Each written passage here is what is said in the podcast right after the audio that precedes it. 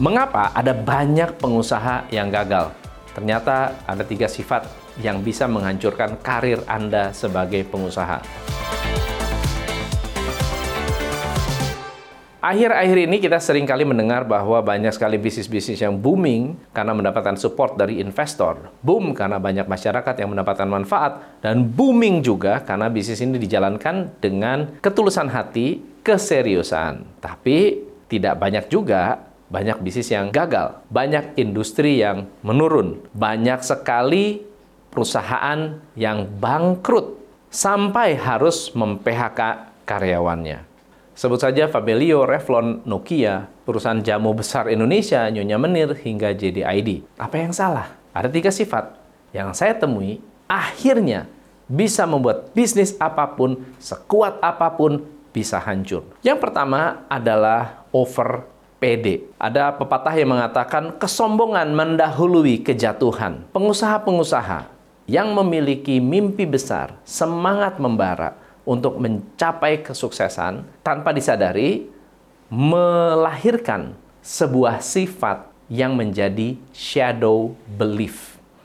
Ini adalah sifat yang bisa menjadi bumerang yang mematikan. Over PD bisa menjadi toxic karena biasanya dilakukan oleh pengusaha lalu kemudian mereka melupakan basic business practice. Misalnya riset analisa yang mendalam, mendengar suara konsumen.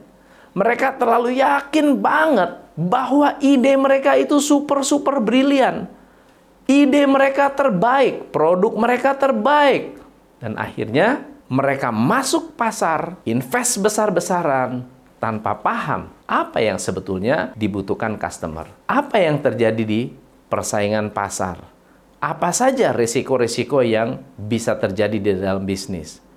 Di dalam dunia bisnis yang kompetitif, keputusan yang berdasarkan asumsi bisa berujung pada kegagalan. Pengusaha-pengusaha yang sukses sangat mengerti bahwa riset itu penting. Riset adalah pondasi penting untuk membangun bisnis yang solid. Nah, teman-teman, orang-orang yang over PD ini nolak untuk mendengar pendapat orang lain. Mereka udah tahu ada masalah. Karyawan udah bilang nih, Pak, jangan ke sana, Pak, karena itu bahaya Pak, jangan ke sini Pak, bahaya. Temennya udah bilang, orang tuanya udah bilang, customernya sudah bilang. Tetap mereka nggak mau dengar. Kenapa? Karena mereka merasa diri mereka yang paling benar. Dan akhirnya menyebabkan ketidakseimbangan dalam pengambilan keputusan karena tidak melibatkan tim. Dampak besarnya lagi adalah akhirnya tim merasa, kok suara saya nggak didengar, ngapain saya harus kerja sama? Teman-teman pengusaha yang sukses sadar bahwa teamwork dimulai dari komunikasi. Komunikasi akan membangun lingkungan yang inklusif. Orang-orang over PD juga pantang untuk dikritik. Pengusaha-pengusaha yang terlalu percaya diri nggak mau menerima kritik. Tidak mau belajar dari kegagalan dan merasa bahwa saya nggak salah kok. Mereka melihat kegagalan ini adalah aib dan mereka akan menghindari kegagalan tanpa mengambil pelajaran berharganya. Dalam bisnis, kegagalan adalah sebuah proses. Dalam hidup, kegagalan adalah sebuah proses. Kegagalan adalah sebuah label yang membuat diri kita down.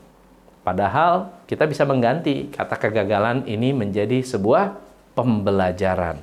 Karena mengabaikan kritik, menghindari kegagalan, akhirnya bisnis bisa gagal bertumbuh. Sementara pengusaha sukses, kebanyakan sikapnya itu down to earth, terbuka terhadap kritik, melihat kegagalan sebagai sebuah peluang dan mau belajar dari kegagalan ini. Ini adalah alasan kenapa banyak pengusaha gagal. Dalam mencapai kesuksesan yang mereka impikan karena salah satu faktornya adalah terlalu pede. Nah, next adalah tidak jujur. Pernah nggak Anda bertemu dengan orang yang tidak jujur? Di permukaan, bisnis mungkin kelihatannya penuh dengan kompetisi, strategi, keuntungan financial. Tapi di balik bisnis yang sukses, ada sebuah aset. Nama asetnya adalah trust. Trust dari karyawan, trust dari customer, trust dari supplier, trust dari negara. Sayangnya, ada sifat-sifat tidak jujur yang merajalela di dunia bisnis yang menyebabkan bisnis juga bisa gagal. Karena kepercayaan adalah aset yang berharga dalam bisnis, saat seseorang tidak jujur dan ketahuan akan merusak reputasi yang sudah susah payah dibangun oleh pengusaha. Ketika kepercayaan tergores, reputasi bisnis akan negatif, pelanggan akan berpaling ke pesaing, supplier akan menolak bekerja sama dengan Anda, karyawan akan resign, karyawan akan banyak yang keluar masuk. Kalaupun mereka tetap bertahan, banyak yang kehilangan motivasi. Kesalahan yang ketiga adalah susah diajak kerjasama. Atau kalau kerjasama mau menangnya sendiri. Kerjasama dan kolaborasi adalah kunci untuk mencapai kesuksesan dalam jangka panjang.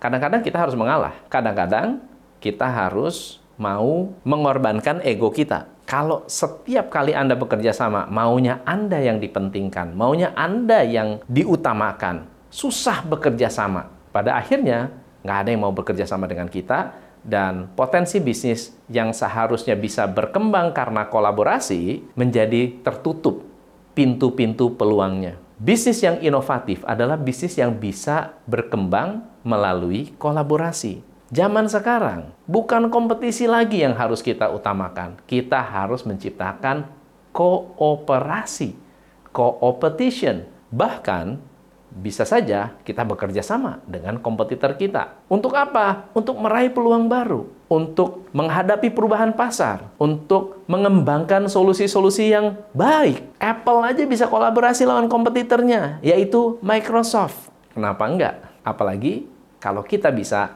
berkolaborasi dengan sehat, dengan jujur, dan sama-sama bisa berkembang.